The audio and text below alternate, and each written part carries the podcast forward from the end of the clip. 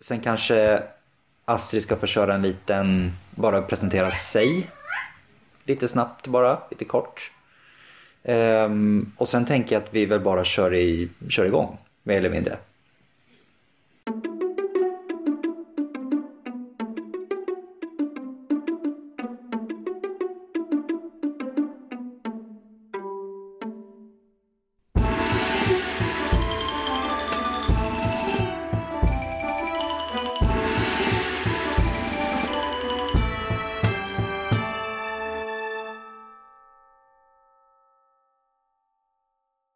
Hej och välkomna till det första avsnittet av Podius Castus för 2021.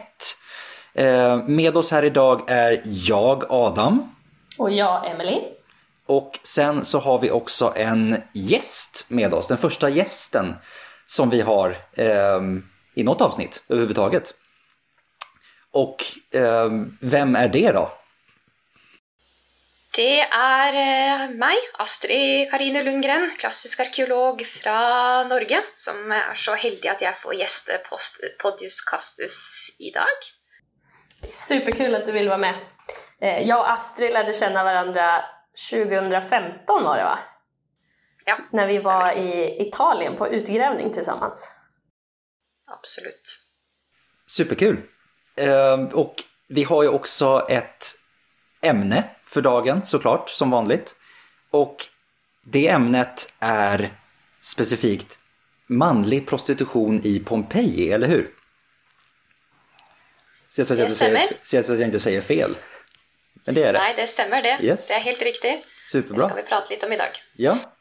Eh, och därav, därav vår gäst. Så jag tänker, vill, vill du börja Astrid, helt enkelt, med ja. det här? Dra igång det här avsnittet. Ja, det kan jeg gjøre, vet du. Det Så mannlig prostitusjon i Pompeii eh, Det har jeg jobbet med siden 2013. Jeg er fremdeles veldig aktiv med det i dag. Det har bare blitt større og større interesse rundt emnene.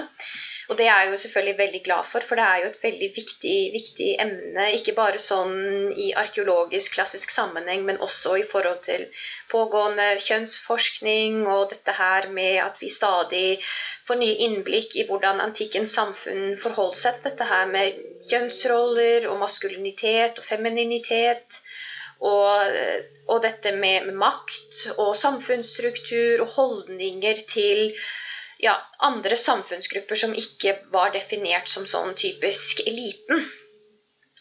Så eh, hvis vi liksom begynner fra, fra, fra begynnelsen, da, eh, og tar med liksom leserne til dette her med liksom oldtidens Pompeii, eh, så er jo eh, denne oldtidsbyen som nå ligger i Sør-Italia, i Campania, som ligger da Ja, det er 180-200 km fra Roma. Ligger ikke så langt fra Napoli.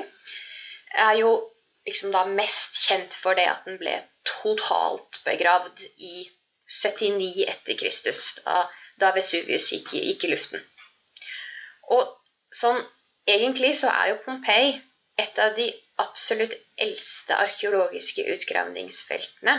Så man har jo holdt på der siden ja, 1748 begynte man å og, og, og, noe som lignet på det vi i dag kaller for arkeologiske utgravninger. Da. Og det som er så virkelig flott og interessant med Pompeii, som jeg personlig synes, det er jo at selv om byen forsvant for nesten 2000 år siden, så er bylandskapet, altså opplevelsen av menneskelig tilstedeværelse i dette levende bylandskapet, som gjør at vi også da kommer veldig tett på fortiden. Og Pompeii er en av de stedene, sammen da med eh, Erkelanium, som ligger like ved siden av, gir oss veldig muligheten til å nærme oss og, og berøre denne, denne, verden som er da veldig full av kontraster og ting som ikke vi helt ja, forstår så godt enda, da. Precis, och det är det lite som, som är så kul med att du vill vara här, för det är det vi vill göra med podden också. Vi vill komma nä närmare antiken så att folk kan förstå att de var precis som vi på, på vissa sätt. Och helt annorlunda på andra sätt. Ja, for det blir dette her, denne, denne tematikken da, som vi skal prate litt om her i dag, står jo i voldsom kontrast til på en måte det skolepensumet som vi får på universitetet. Som vi blir liksom I fem år så er det liksom de samme tingene som går på, ja, på replay, da, om jeg kan si det på sånn. Og det er jo veldig bra, men det blir veldig mye snakk om liksom de store samfunnsstrukturene og de, liksom, ja, de, de samme mannlige skikkelsene og de, de, samme bøkene og de samme verkene og de, samme analysene av de samme verkene. Så det at man da kan prate om litt andre ting og ta for seg en litt annen type menneske og menneskegruppe som absolutt var til stede i, i oldtiden, det er jo veldig, veldig viktig, syns jeg. Ja, absolutt. Og det har vi jo sagt forut eh, i andre avsnitt også, at det vi vet mest om er jo faktisk de som var rikest. Og de som hadde mest status, mest penger, høyest klass. Det er derfor det er så coolt at du har börjat titta på en annen samhällsklass. Ja, det er jo veldig mye å gjøre her. For dette her er jo ja, Hva skal jeg si? Det er ikke eliten, det vet vi. Det er ikke engang altså, det som kalles for dette her med subeliten, altså de samfunns gruppene som var på en måte under den eliten som vi er vant til å, å høre om ja, i forelesningene på universiteten. På universitetet alle disse, disse gråsonegruppene av velstående mennesker som på en måte samles under et begrep som disse såkalte ikke-eliten, subeliten. Ja, de var velstående, de kom fra litt obskure eh, sosiale bakgrunner. De tilhørte liksom ikke det, det keiserlige eh, som vi er så vant til å høre om. Men så under der altså den absolutte største befolkningsandelen, de er det gjort veldig lite på. Vi omtaler de som frigitte. Vi omtaler de som slaver. Vi kan til og med greie å kalle de for vanlige romerske kvinner og menn. Ja. og så var det alle under der, da, som levde i en slags sånn gråsone av det som var sånn halvveis slaveri, halvveis frigitt, noen ganger det, noen ganger ikke det. Hva med de? Og eh, når man har gjort disse tingene her og jobbet med prostitusjon og oldtidsprostitusjon og prostitusjon i antikken og prostitusjon i oldtidens Roma og i Hellas Hellas er liksom Grekland, forlåt at jeg avbryter. Eh, ja. ja. Rett meg. Ja. Eh, veldig bra. Så, så er det liksom Der hvor vi ikke vet, og det er veldig mye vi ikke vet Der hvor vi ikke vet, så begynner vi å lappe og det vil si at vi tar ting fra ja, Victoria-tiden, London og de prostituerte der, og lapper litt på hvordan det kanskje kunne ha vært, og hvordan ting var organisert, og hvem som står bak.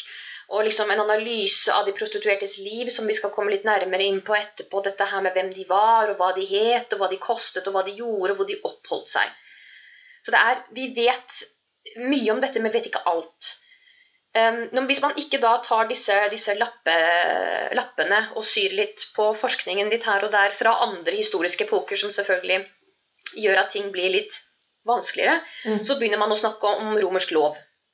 Og romersk lov det er stort smutthull som er ekstremt vanskelig å få ordentlig has på. For det er slik at romersk lov var jo ikke utviklet for privatpersoner sånn som vi har i dag, men på bakgrunn av familiegrupper og familiegrupper som tilhører da de adelige eliten. Så hvordan alle andre forholdt seg, og hvor, liksom, hvor streng man var i forhold til å håndheve lover, og hvor til stede liksom, lov og rett var i liksom, de vanlige menneskers liv, det, det, vet man jo ikke så veldig mye om. Eh, og et av liksom, de store fallgruvene det er jo selvfølgelig at i, i de bøkene som heter sånn Roman law, Roman citizen, Roman ja, eh, legislation og alle de der bøkene som handler om romersk lov, så er det ingen av de som egentlig har klart å teorisere makt, og hva makt betydde. Og det at uh, når man skal snakke om liksom da um, sedelighetslover, for det var jo det, altså lover som gikk på dette her med korrekt seksualitet og seksualforbrytelser og moral og det, mm. mm. og disse mm. tingene, så henviser man ofte til de de Lex Julia, de Lex Julia et papia f.eks., disse, Augustis, disse eh, lovforslagene fra keiser Augustus fra det første århundret etter Kristus. Men det som man glemmer å ta med, er at disse her var jo ikke statiske. De ville jo vært sterkt påvirket av, av både indre og utenfor, innenfor og utenfor liksom, dynamikk og makt. Eh, altså Forskjeller i makt og hvordan disse tingene ville altså Lovverket ville da ha utviklet seg veldig. Det ville ikke vært status. Og vi får det innblikket av at disse her var liksom skrevet i stein, og de var, kunne ikke forandres. Precis. Og det blir jo et kjempeproblem når vi vet hvor dynamisk det romerske samfunnet var. Ja, precis som i dag. Våre lager de skrivs og skrivs om og legges til og tas ifrån. Mm. Det, det finnes ingen anledning til at det ikke var så da. Nei, det, det, det, blir veldig vanskelig når man skal liksom da begynne å gå løs på, på, de, på dette, slags, dette, materialet som vi skal snakke om nå. Det er jo det ene, men liksom det verste er jo det at folk er jo veldig forutinntatte. Du møter en voldsom forutinntatt også i forskningen. Dette her med at vi er så vant til at det er kvinner som prostituerer seg, og det er menn som oppsøker kvinnelige prostituerte. Mm. Fordi menn har alltid, og kommer alltid til å ha, en annen utvei enn å nedvedlegge seg til å selge seksuelle tjenester. Så det er en av de første tingene da, som man må liksom ta et slags ganske stort oppgjør med. Og det tenkte jeg at vi kunne liksom gjøre litt i dag. da, At vi kunne se på noen, noen ting som kanskje kan gi et litt ja, kaste litt bredere lys over denne tematikken, som er litt sånn vanskelig å få has på. Og det tar ganske lang tid å bli litt kjent med, med materialet, da. Mm, mm men mm. absolutt. Så eh, ikke sant, dette her med Hvis vi da zoomer inn på uh, dette med prostitusjon i Pompeii Nå har jeg liksom da pratet litt om dette med forskning og sånn, som vi kanskje kommer inn på ved en senere anledning, for det er jo også noe man må ta for seg. Det berører jo denne forutinntattheten som vi har, eh, dette her med at vi oppriktig talt mm, tror at kjønnsrollen i antikken var de samme som i England på 1800-tallet, forventningene, teoriseringer av makt osv. Men dette med Pompeii og prostitusjon, det har man jo eh, holdt på med, da. Eh, ja, de første skriveriene, hva kan jeg si, i akademisk forskning kom jo sånn tidlig på 90-tallet. Ja. Og da var man veldig opptatt av hvor i byen, hvor i selve bybildet, var det sexhandel foregikk. Ja, det, det er ganske interessant det der at hvorfor egentlig er det så viktig. Mm. Og just det her eh, besattheten med hvor mange ställen gjorde man det på. Det er viktig. Mm. Ned i minsta detalj på noe sett. Man skal hitta ja. en exakt siffra på hvor mange ställen det var. Ja, og det har jo eh, gjort det ganske problematisk å jobbe med det materialet i ettertiden. Fordi det vi kan kanskje fastslå med en gang, det er at det fins ikke et klart svar på hvor i Pompeii prostitusjon foregikk. Det er kun ett bordell i hele byen. Og det ser ut til å ha vært bygd i 73 etter, etter Kristus. Og man tror at dette her har vært et slags sånn forsøk på å kontrollere sexsalget i byen. Mm. Fordi at eh, Mange er kjent med, med, vulkanutbruddet i 79, men litt færre er kjent med konsekvensene som jordskjelvet i 62 fikk for byens økonomiske og sosiale liv. Og man tror at, eh, at byen blir litt sånn Ja, hva skal jeg si det, det gamle aristokratiet flytter ut, og det blir en slags sånn ja, kjøpmannsby, da. For det som hendte som, der, eh, var jo at ja. det var en stor jordbevning. Eh, så mye ble jo forstørt. Mye. Så man tror at for å da å gjenoppbygge den byen, så trenger man arbeidskraft. Og den arbeidskraften den kommer ikke fra aristokrater i toga. De kan jo jobbe. Så man tror at eh, Pompeii da i den perioden da mellom 62 og 79 så har det vært en slags sånn byggeboom i byen. Eh, at man har konsentrert seg om å få orden på liksom forum eh, og templene, og få orden på gate, gateplanene, som var ganske da ganske ødelagt. Mm. Så det er en av teoriene. Men dette bordellet som folk er veldig interessert i, og det er, det er veldig, veldig interessant, men det har liksom blitt da det, bortsett fra at det ble bygget i 79, så, så er det liksom Ja, det er strategisk plassert. Eh, ligger ikke langt fra byens forum. Og så er det liksom rett lett tilgjengelig fra en av de store Dekomani, heter det på gresk. Det, heter, det er disse store hovedgatene som går i byen. Så de, det er to av de. Det går en opp og en ned. Veldig greit. Så um, um, det er mange som tror at det bordellet var driftet. Driftet av, av to fyrer som het Afrikanus og Viktor. Og basert da på eh, romersk liksom, navnstudie, så er det veldig enkelt for fagfolk å høre at dette her er da ikke overklassemennesker. Dette her er mest sannsynlig noen som arbeider for noen andre, eller som drifter dette selv, og de er da av ja, lavere status, kanskje frigitt, kanskje øh, slaver. Ingen vet. Det er flere muligheter her. Men det som er så spesielt med denne bygningen, den er at er, den er utstyrt med, med to etasjer. To våninger. Hvor hver Ja. To, øh, den er en sånn sekskantet bygning, så den er utstyrt med to etasjer. Hvor hver avsats har seks små rom. Så seks nede og seks oppe. Eh, ingen store vinduer på gateplan. Det er ganske Små spennende vinduer. at det er små fönster. Ja, høyt oppe. Ja. Mm. Høyt oppe på veggene. Så å, å kikke inn og få seg hva skal jeg si, noen gratisprøver, det gikk ikke.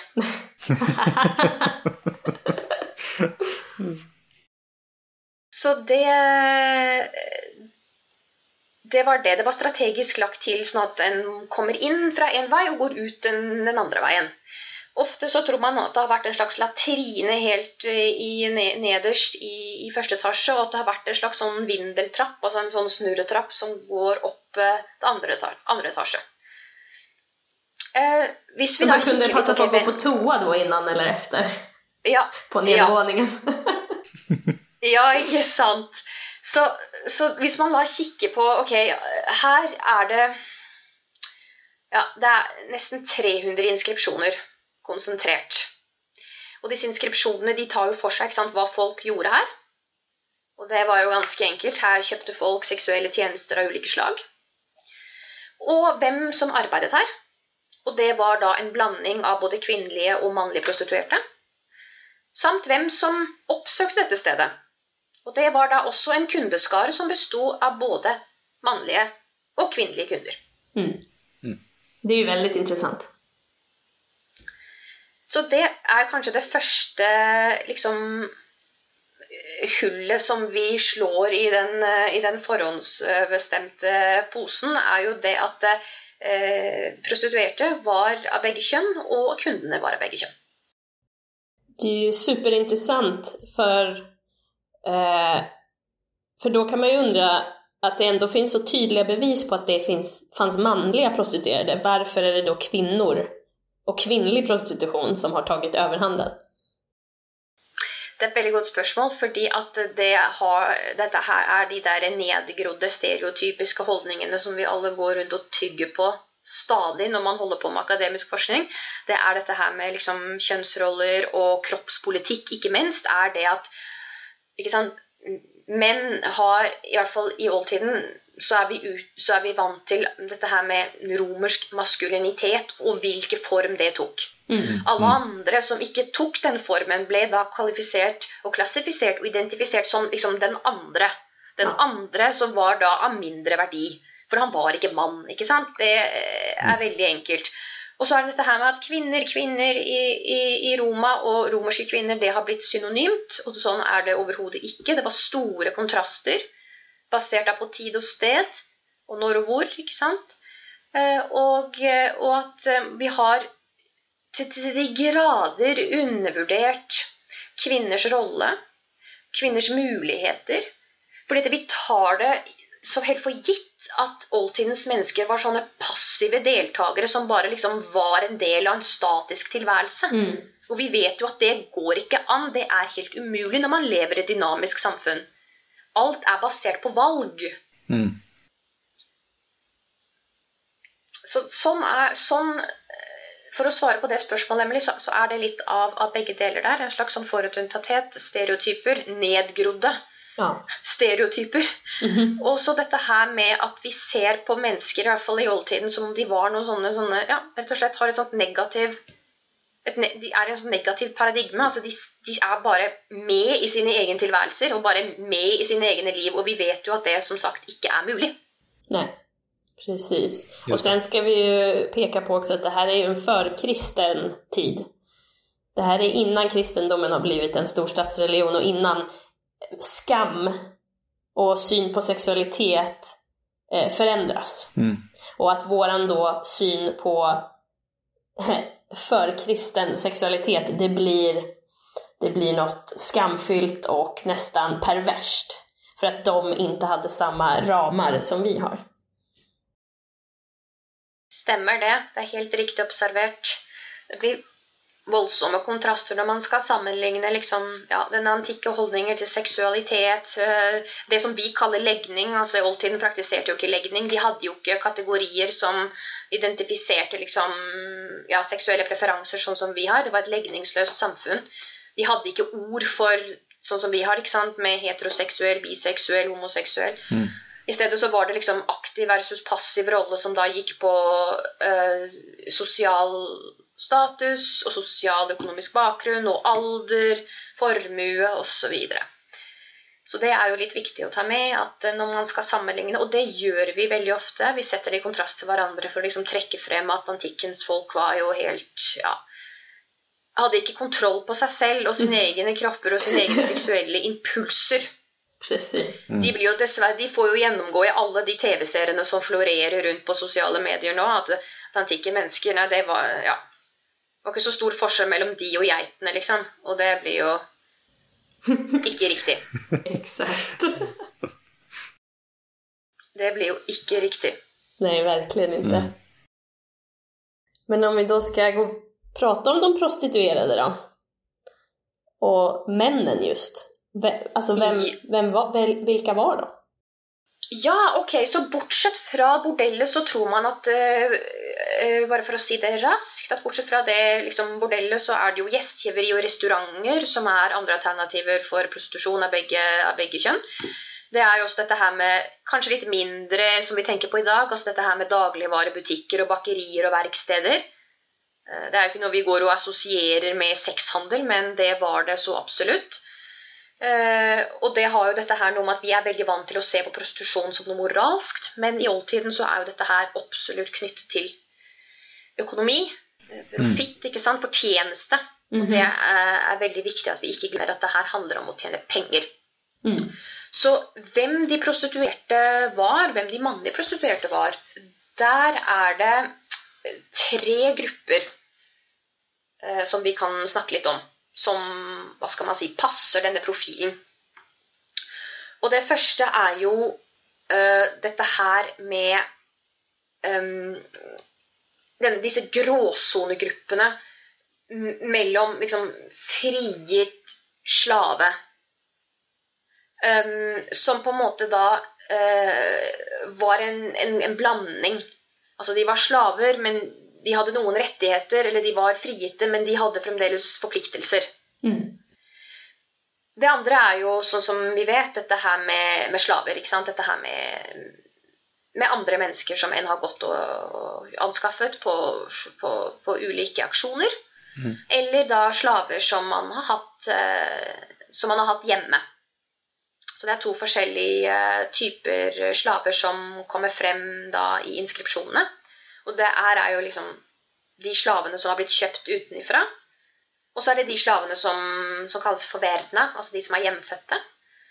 Og til forskjell da fra slaver som man har gått til anskaffelse av på liksom, slavemarkedet, så, så hadde jo disse verdene de hadde jo tilbringt liksom, hele livet sammen med familien, så de var jo en inkorporert del av familia, altså husstanden. Mm. Og da bruker man ofte i disse inskripsjonene, som er våre, våre absolutt største kilder til, til mannlig prostitusjon, er at de bruker da enten verna, som er da hjemfødte slaver, eller de bruker uttrykket som heter bellis moribus. Og på, på, godt, på godt norsk så betyr det da veloppdragen. Lydig. Mm. Og da ser man at det er disse, disse verna, disse hjem, hjem, hjembrygde slavene, holdt jeg på å si, de, er, de selges da til en ganske de, de selges til en ganske Ja, de har høyere pris, da. Mm, -hmm. Og så den siste gruppen, det er jo disse Ja, de er, de er frigitte. Og av en eller annen grunn så er de de som koster mest. de er også de som er spesialisert på analsex. Det er interessant. Og eh, ja, sånn var det. Så det er, eh, virker som at selv om man har da vært eh, ganske uten midler, at man har vært ja, ikke, ikke noe særlig velstående, at man har sittet ganske godt i det, så har prostitusjon vært et slags levebrød Mm. for menn som solgte sex. Om vi da tar andre, andre siden utav altså forholdet kund og den som så att säga säljer. Då. Var kundene til de här, de här prostituer manliga prostituerade? Sånn som jeg sa helt i begynnelsen av dem, så er det det at eh, mannlige prostituerte hadde da en kundeskare som besto av kvinner, og en kundeskare som besto av menn. Og det ser man på igjen våre inskripsjoner som kan fortelle oss at mannlige prostituerte de reklamerer for at de, ja, de tilbyr oralsex til kvinner, analsex for menn, eller de spesifiserer ikke noe som da kan tyde på at de da har en kundeskare som består av begge. Men det er ikke sånn at byens elite ville da besøkt eller oppsøkt mannlige prostituerte. Dette her er jo andre mennesker som tilhører liksom, de gråsonene nederst i samfunnet. Og det har jo liksom noe med igjen dette her med moral og det forutinntatte at det, ikke sant, eliten skulle ja, de skulle representere ulike romerske idealer og verdier. Mens jo lenger ned vi kommer liksom i samfunnssøla, så er det jo ingen som er noe særlig interessert i hva du gjør. Mm. Så de står jo sånn betraktelig mye friere til å, å, å uttrykke og, sin egen seksualitet. At de eh, kan eh, ja, forlyste seg med hvem, hvem de, det skulle passe seg. Uten at det er noen som verken bryr seg om det eller setter noe spørsmålstegn ved det. För det är lite skillnad på del, dels at de som er mest välbärgade har mest penger, de har ju egna slavar om de vil, Men sen også at välbärgade kvinner, de får ikke förlusta seg med andre enn sina menn. Stemmer det? Det var ganske sånn lovpålagt, dette her med romerske kvinner som tilhører overklassen, vel å merke. Som tilhører liksom den, den ja, keiserfamilien, altså rundt med den mest intime sirkelen rundt liksom da sittende keiser.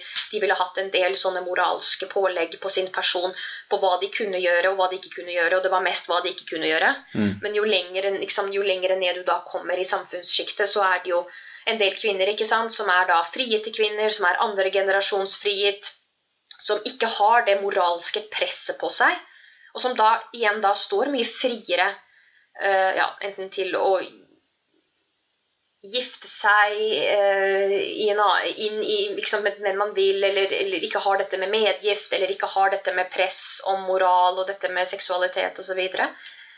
Mens, mens overklassekvinner, det, det må ha vært et ganske sånn hardt liv. For der blir du ja, der er du en, en gjenstand som skal sørge for fred og fordragelighet mellom familiene. Og hvis ikke det passet at din bror eller din far eller var venn med den og den, så bare tok de og oppløste det ekteskapet. Og man skilte seg sånn som man ville. Det var ikke noe problem. Nej. Och man kan ju inte ha eh, någon som ska vara fredsmäklare så att säga, en kvinna. Hon kan ju inte gå och ligga med någon och riskera att bli gravid. Det var jo skrekken, ikke sant. Og dette her henger jo sammen med det antropologiske. Dette her med at gifte kvinner de skal kun øh, være seksuelt aktiv med sin mann. For man var jo så utrolig opptatt av dette her med riktige arverekker, og at det som var ektefødt versus det som ikke var ektefødt. Men som det er sagt, så romerne de adopterte jo i, Ja. øst og vest. Ja. Ikke noe problem. Mm. Det, men det är väl mer en klassfråga då att eh, du kan ju inte få barn med en slav. Nei. Eh, og der er jo loven ganske sånn eh, klar, at alle barn som ble født av liksom, slike relasjoner, da, eh, fikk jo automatisk morens status Ja, Just det. som slave. For at ikke det skulle bli noe sånn rot mellom ja, husets herre og domina, altså husfruen og deres ektefødte ungeflokk. mm. Mens liksom, de slavebarna ble jo inkorporert i husstanden som eh, viktig verditilskudd der. Mm. Mm. precis. Vi har ju pratat lite om hur vi vet alt det her. Ja, ikke sant. hvordan vet vi alt om, om disse tingene? Um, når man skal forske på prostitusjon, så er det et par ting som man må, må tenke på. Og det er uh, at um, sex, sexhandel og uh, dette med prostitusjon og hva det kostet, og hvem som var involvert, og hvordan det var organisert osv., det er at det står i veldig stor kontrast med sant, dette her med vårt moderne menneskesyn. Og dette her med tradisjonelle kjønnsroller på menn og kvinner, og dette med kristen seksualmoral som vi av en eller annen grunn skal vi si at vi ikke er troende, men vi tviholder på det for det. Og det er litt merkelig. Det som var det, er at i antikken, sånn som jeg var litt inne på i stad, så er det ikke snakk om noe legning. Altså, men det må ikke på noen måte forveksles med toleranse. For det er ikke en sånn romantisk idé om at fordi at det fantes ikke legning, så var det en slags romantisk tilnærming til at det romerske samfunnet var tolerante. Mm. Det var det ikke. Hm. Dette er en annen måte å kategorisere mennesker på. Mm. Men at man har hatt en friere holdning til dette her med hvem som kan gjøre hva med hvem, det er jo uh, helt klart at de har vært veldig annerledes um, fra vår egen, ikke sant. Uh, men det er jo disse problemstillingene, ikke sant, om man skal forske på det.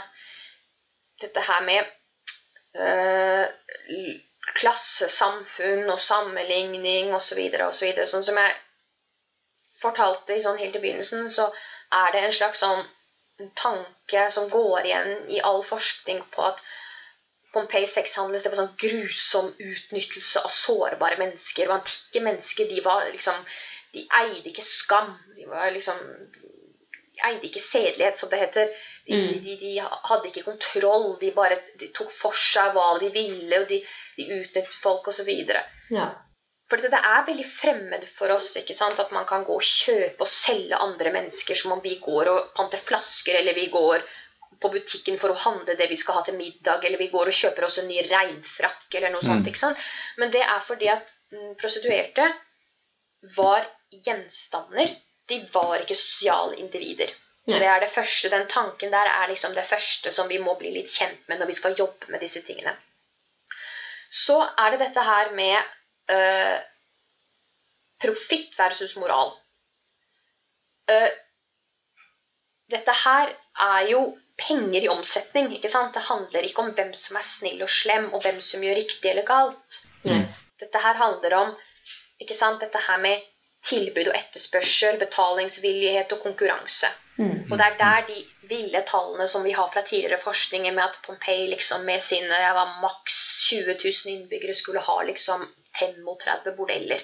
Som da funksjonelt skulle operere, og funksjonelt liksom da skulle kunne ta ut profitt. Og det fungerer jo ikke, ikke sant? Det Nei. går jo ikke. Nei. Fordi at vi er veldig opptatt av dette her med å Vi vet veldig lite om økonomiske modeller i disse ja, disse oldtidssamfunnet. Men, men, vi er også samtidig veldig opptatt av å sette det i kontrast til liksom vårt eget industrielle samfunn. Visst. Og da mm. går det jo gærent, ikke sant? for da blir det veldig sånn på det moralske Hvordan kunne de holde på sånn? I stedet for å ta det praktiske, realistiske omstendigheter i betraktning, ikke sant? så har vi vært så ekstremt opptatt og, og finne svar på det der, sånn som du sa i sted, Emilie, dette her med byens modeller. Hvor var de? Ja. Mm. Men och som du sier, legge i moral i det hele. Våran moral på en 2000 år gammel stad. Eh, mm.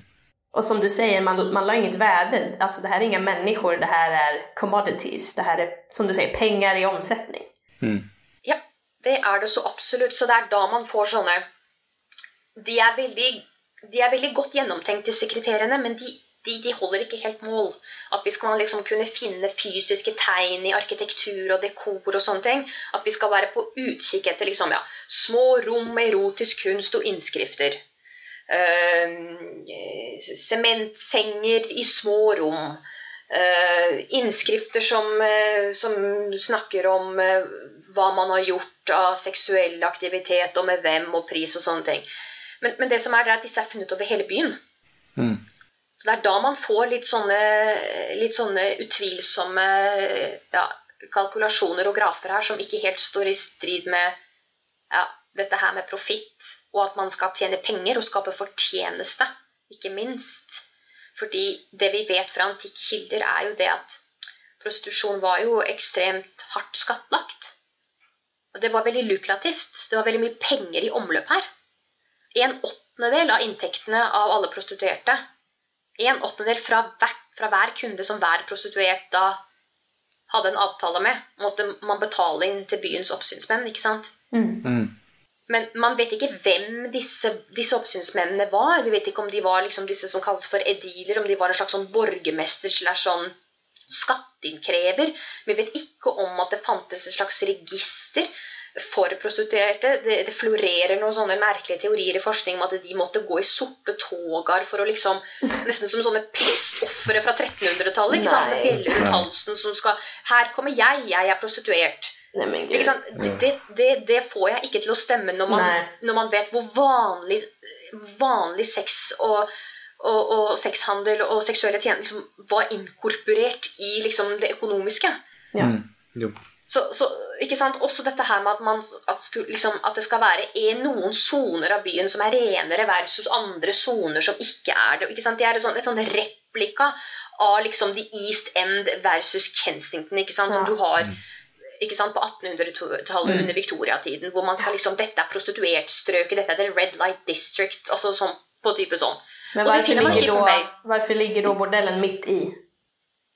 Du finner ikke det. Her er det små vertshus, svære luksusvillaer, bordeller, eh, gjestgiverier, hoteller, enda små verksteder. Det er bare kjørt sammen i et stort byplan.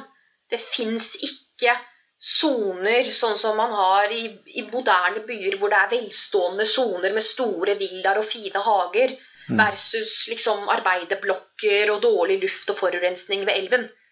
Det har man ikke. Nei tänker det, liksom, det är också så här, liksom den här onda spiralen som skapas på något sätt. Att liksom vår, egen, vår egen fascination för det. För att det liksom, när man då projicerar sina egna moraliska värderingar bakåt. Då blir det väldigt märkligt. Och den här fascinationen liksom som skapas i och med att man har projicerat bara göder det vidare på något sätt. Så det, liksom, det, bara, det bara spinner runt och det bara fortsätter och blir bara ännu mer Ja men det är som sagt bara ond spiral som bara fortsätter och det liksom befästs bara ännu mer ju mer man ju mer man holder på med det. Det høres eh, som en veldig riktig vurdering, Adam. Det er akkurat det jeg har inntrykk av også når man skal jobbe med dette. For det er liksom som om forskningen hele tiden driver og tygger liksom på de samme tingene hele tiden. Man kommer liksom ikke videre. Og dette med at vi kan begynne med å innrømme at eh, prostitusjon i antikken var vanlig, svært utbredt, og det var ikke sosialt uakseptabelt å oppsøke prostituerte av begge kjønn. Mm. Men det var ikke eliten, altså den innerste sirkelen rundt keiseren i Roma, som florerte rundt på disse, disse gjestgiveriene og disse småbarene og i bakgatene. Det var ikke det som var kundene, ikke sant? Mm. Så når du får den voldsomme kontrasten der, så blir det også enda verre. Du, man får ikke helt grep på det. Mm. Men, men, men nyere forskning, da, sånn som jeg driver og tenker litt på nå, er at for å få en større aksept i forskningen for tanken på mannlig prostitusjon, det er jo egentlig der man må begynne. fordi mange av disse forskerne de er jo utrolig flinke, har de største respekt for dem.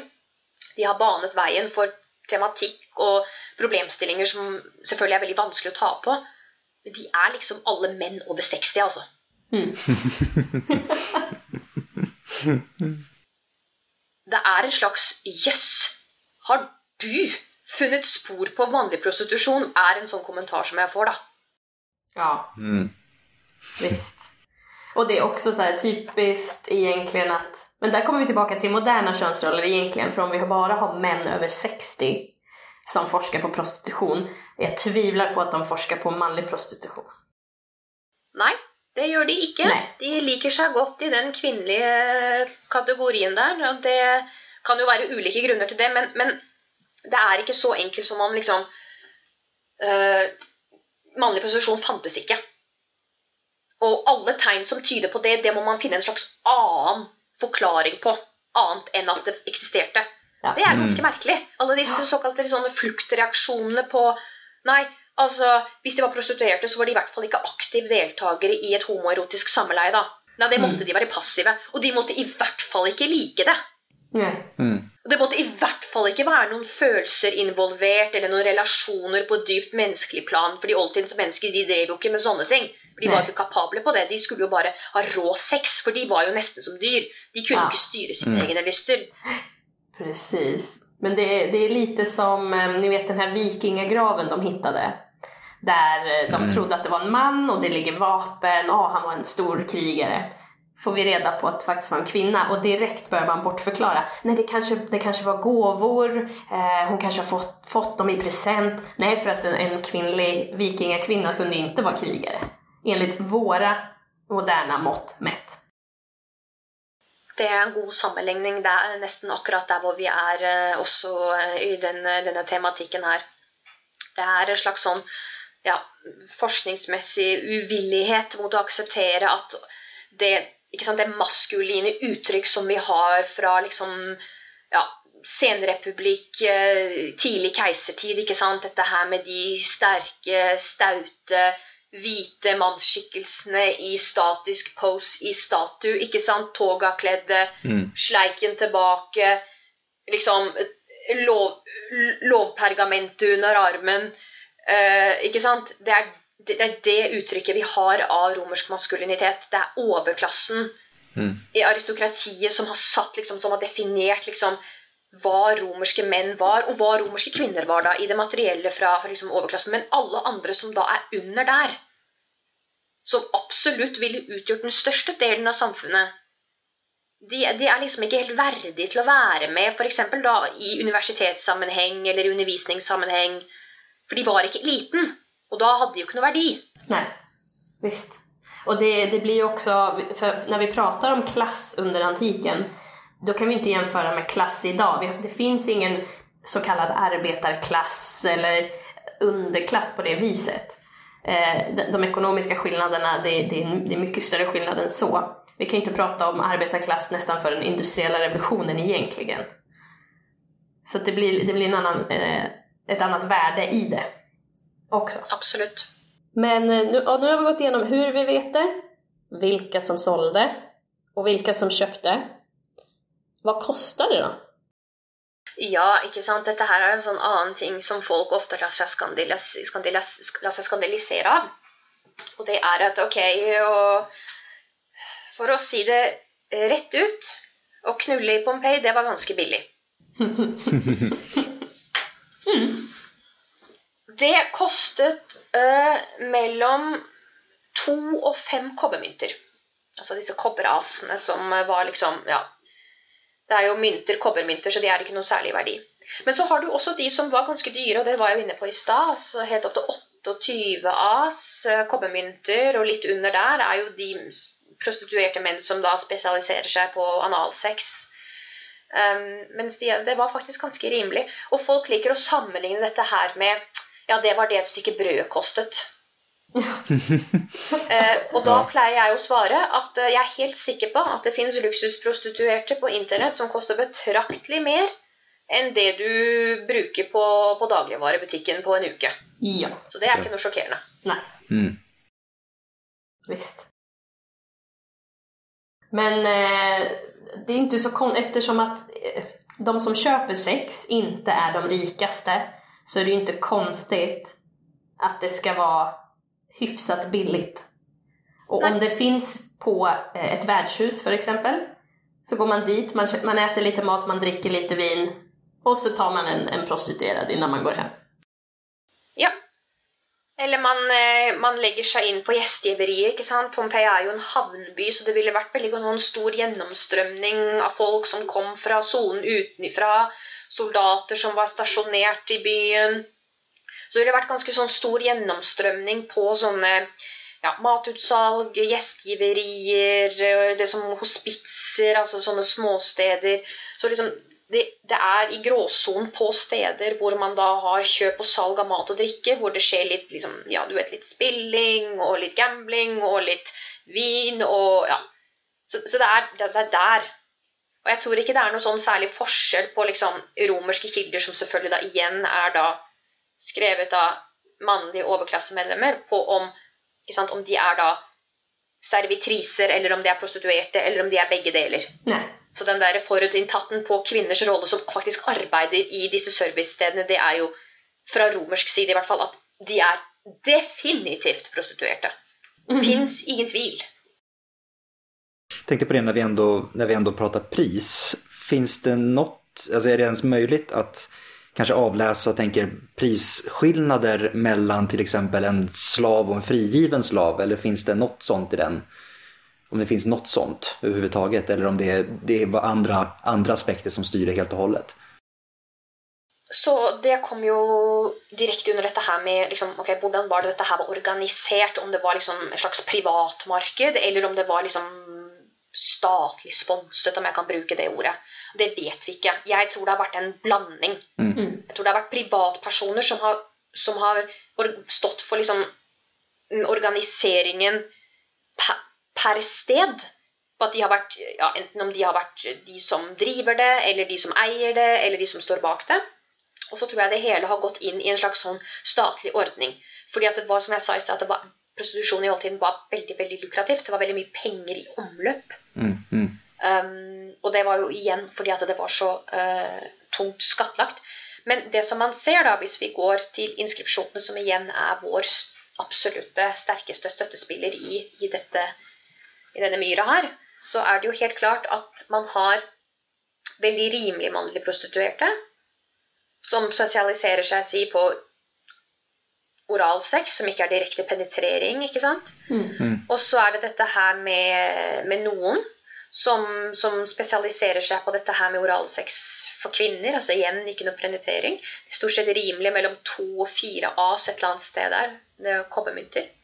Og så er det det som, som de som reklamerer for dette her med ø, seksuelle tjenester, altså penetrering i den forstand enten vaginalt eller analt, ser at det er litt grann dyrere når det kommer til liksom selve akten. da.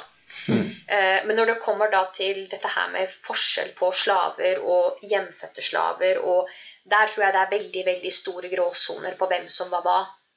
Det er jo helt tydelig at disse innskriftene de reklamerer for det som heter verna, det som jeg sa i stad, som er sånne hjemfødte slaver som man ikke har vært og anskaffet utenfor. De er en del av husstanden, og at man også gjerne vil at de skal ja, portretteres da, som veldig småribus, som jeg også sa i stad på at de er da veloppdragne og lydige, og at de reflekterer liksom ja, husstanden. At å tilby liksom en møtekommende slaver til å adlyde kunden. ikke sant? Dette her er jo veldig sånn vesentlig element i den kampen om fortjeneste som opplagt nok ville vært veldig sterk blant de private aktørene som ville hatt ja, slaveprostitusjon som en sånn inkorporert mulighet da, i sin økonomi. Eh, og så er det jo disse her med frigitte, som jeg sa, og det er jo da mellom ja, eh, fem, seks, syv, opp ti, elleve as for de. Så det kan jo også være at de da ikke da arbeidet i regi av et vertshus eller eh, i regi av noen, men at de da hadde sitt eget oppsatte værelse eller tilholdssted hvor, hvor de selv driftet. da. Det er jo også en mulighet. Men igjen så blir det litt sånn spekulasjoner fra min side, for vi vet ikke nok om om det var da private aktører som ville da hatt ja, store muligheter for å organisere markedet etter eget ønske, eller om det var også da statlige aktører som da borgermestere og innkrevere som også skulle da ha sitt å si her. Finns det, för vi vet jo at det finnes eh, bilder på kvinnelige prostituerade i, i det här Lupanariet som det heter, den här bordellen.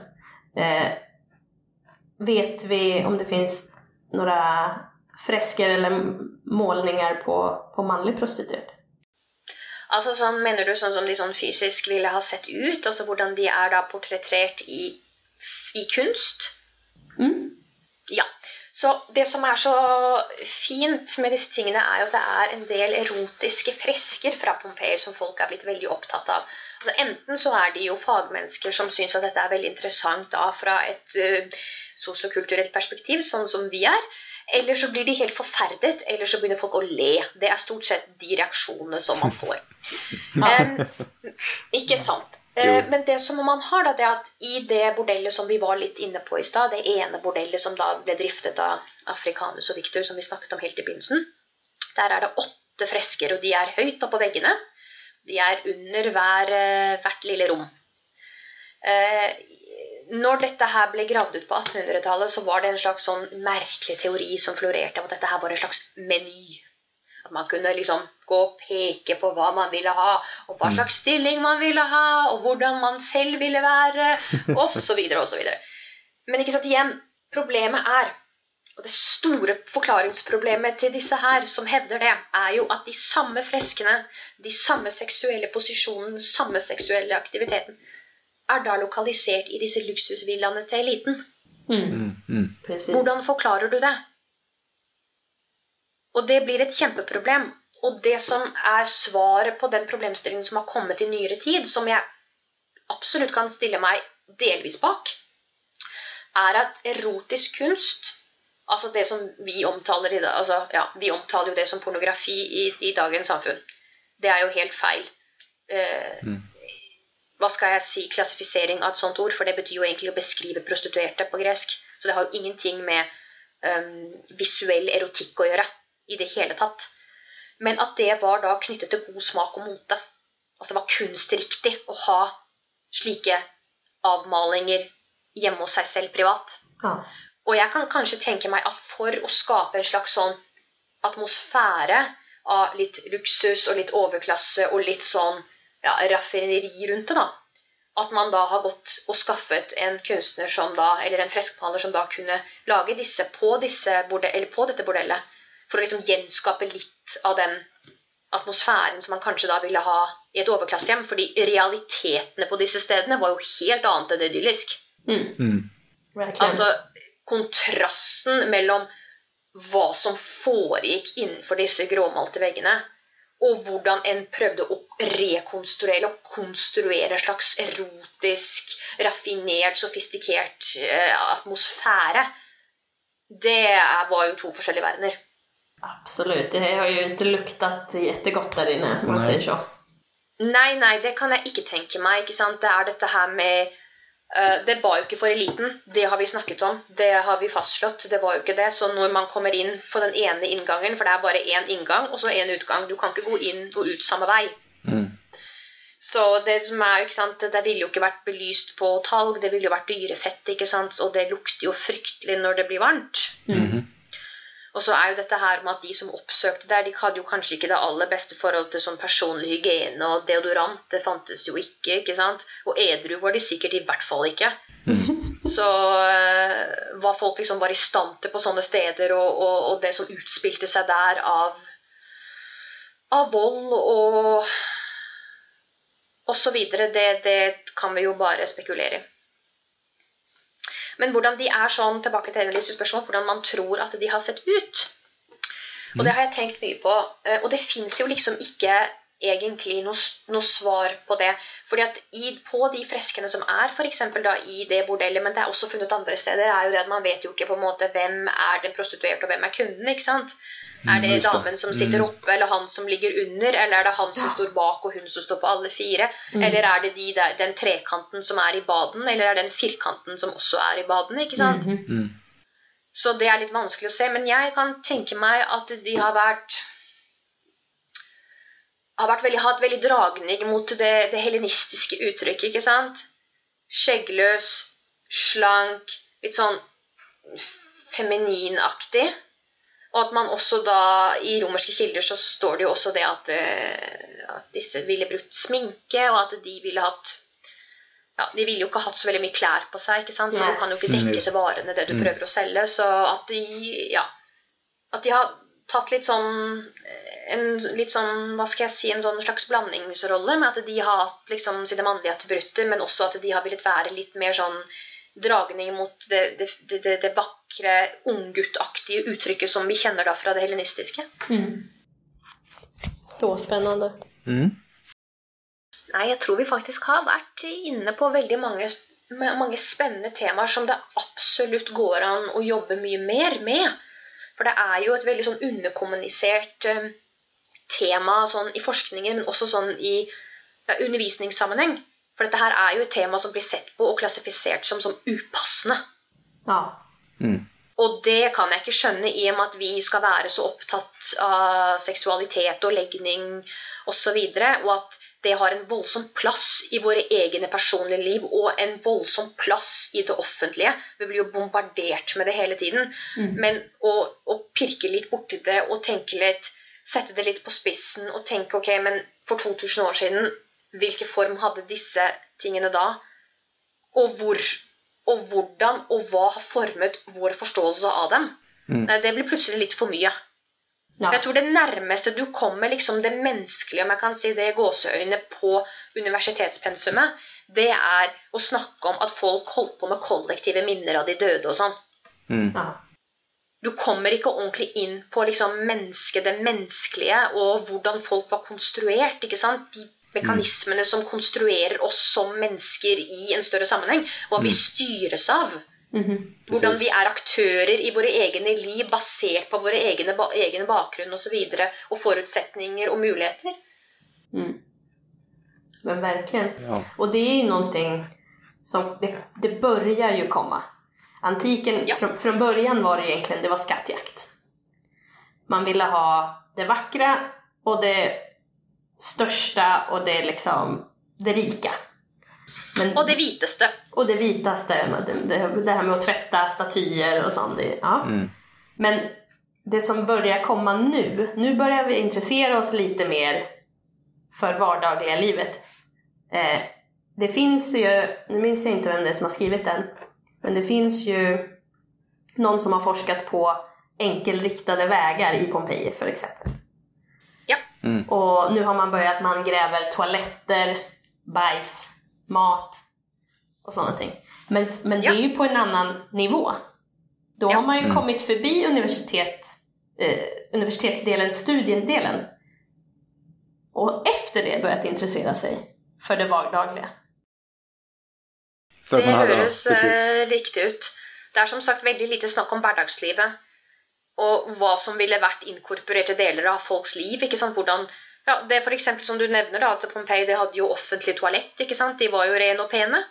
Folk hadde offentlig bad. Det var viktig å være liksom Å være sånn møkkete og barbarisk. Nei, det kunne man ikke. Det, altså, alle kunne bade. Mm. Mm. Uh, og være rene og pene. Og, og det der at ja, vi tar det for gitt at, at de ikke medlemmer av ikke-eliten at de ikke kunne skrive. Mm. Men hva med Mm. alle inskripsjonene, da? Ja, Just det. Mm. men det, det er jo spennende, som du sier, og spesielt for, for antiken som emne det er veldig litet i Sverige. Det er enda mindre i Norge. Absolutt. Der er det ikke mange. Det er stort sett eh, en gruppe mennesker som nå har dominert ganske lenge, som har vært veldig opptatt av ja, de tingene som du sa nå, da det materielle, den materielle kulturen liksom fra eliten, men at det nå begynner å komme kanskje et lite skifte hvor man også da kan se litt på litt andre materielle uttrykk fra litt andre samfunnsgrupper. ikke sant? Og det Mm. står jeg med åpne armer klar til å ta inn over meg, for jeg syns at det er litt viktig at vi må få frem alle aspekter av antikke samfunn. Det holder ikke lenger med den der 1700-talls forutinntatte, smårasistiske, mannssjåvinistiske holdning om at det, Mhm. nei, det er menn som Mm. styrte i antikken, og kvinner de hadde ikke noen offentlig rolle bare Mhm. fordi at de ikke kunne stemme. Ja. Det, det er for tynt. Det holder ikke lenger, altså. Nei. nej, Nej. det gjør ikke det. Eh, men du, du støtte jo på en del motstand der, som du sa. Ja, nei, jeg har, eh, har satt på en del motstand der. For jeg, jeg, jeg, jeg, syns det er en litt sånn for enkel forklaring. Altså en litt sånn kjapp og gæli, som vi sier på norsk. Litt sånn kjapt gjort rede for at vi bare er, som sagt, veldig sånn passive deltakere i vår egen virkelighet. Mhm. Mm. Det der er spesielt også da for marginaliserte grupper i oldtidssamfunn. Dette her med kvinner av lavere rang, menn av lavere rang. At de er, de er bare ofre for liksom elitens skildringer og elitens bestemmelser og elitens lovverk. Men vi vet jo ikke hva slags plass disse tingene hadde i virkelige menneskers liv.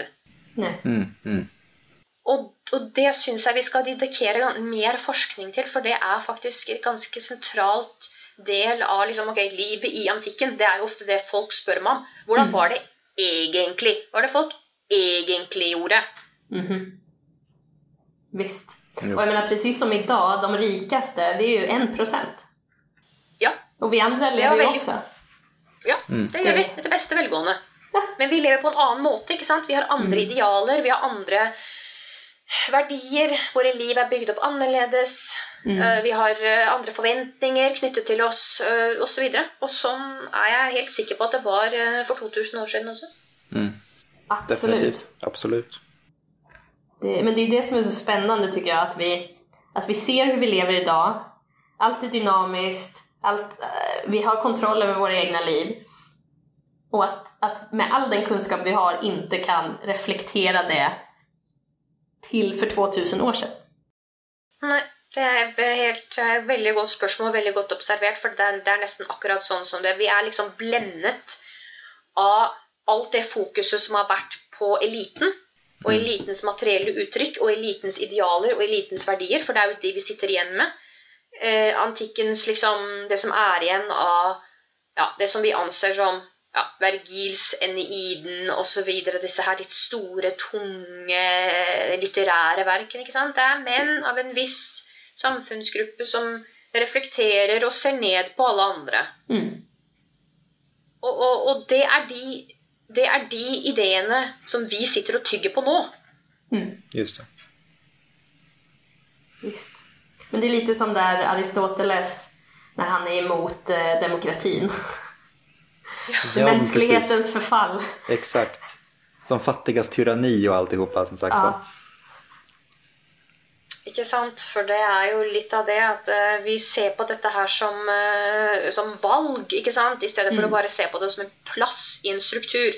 Ja. Da blir det ofte litt vanskelig. Verkligen. Mm. Da har vi fått tugga oss gjennom et helt fascinerende emne i dag. Verkligen. Det hadde vært superspennende. Jeg har lært meg massor. Ja. Ja, har vi, har vi noe å tillegge, Astrid, Adam? Något mer vi tror folk skulle vilja veta? Något, någon någon Nej. liten så här dirty secret? Någon liten så här saftig, juicy? Stort Story avslöj... kanske? Du är ute efter något stort avslöjande nu liksom? eller? Antingen för 2000 år sedan eller vad Men jag tänker någon så här juicy story kanske som de hade. Ja, du menar för- från... Ja, från... Jag någon- tänker från, från någon, någon- någon inskription kanske som är extra. Altså, sex var jo veldig viktig i oldtiden. Det var jo viktig for ens mentale og fysiske velvære. Mm. Eh, og så enkelt var det. Eh, men eh, det var jo slik at de, de liksom De mannsskikkelsene som vi har fra oldtiden, ikke sant? disse litt sånn hardbarka eh, mannsmennene som vi går rundt og ser opp til, de var jo alle bifile. Ja.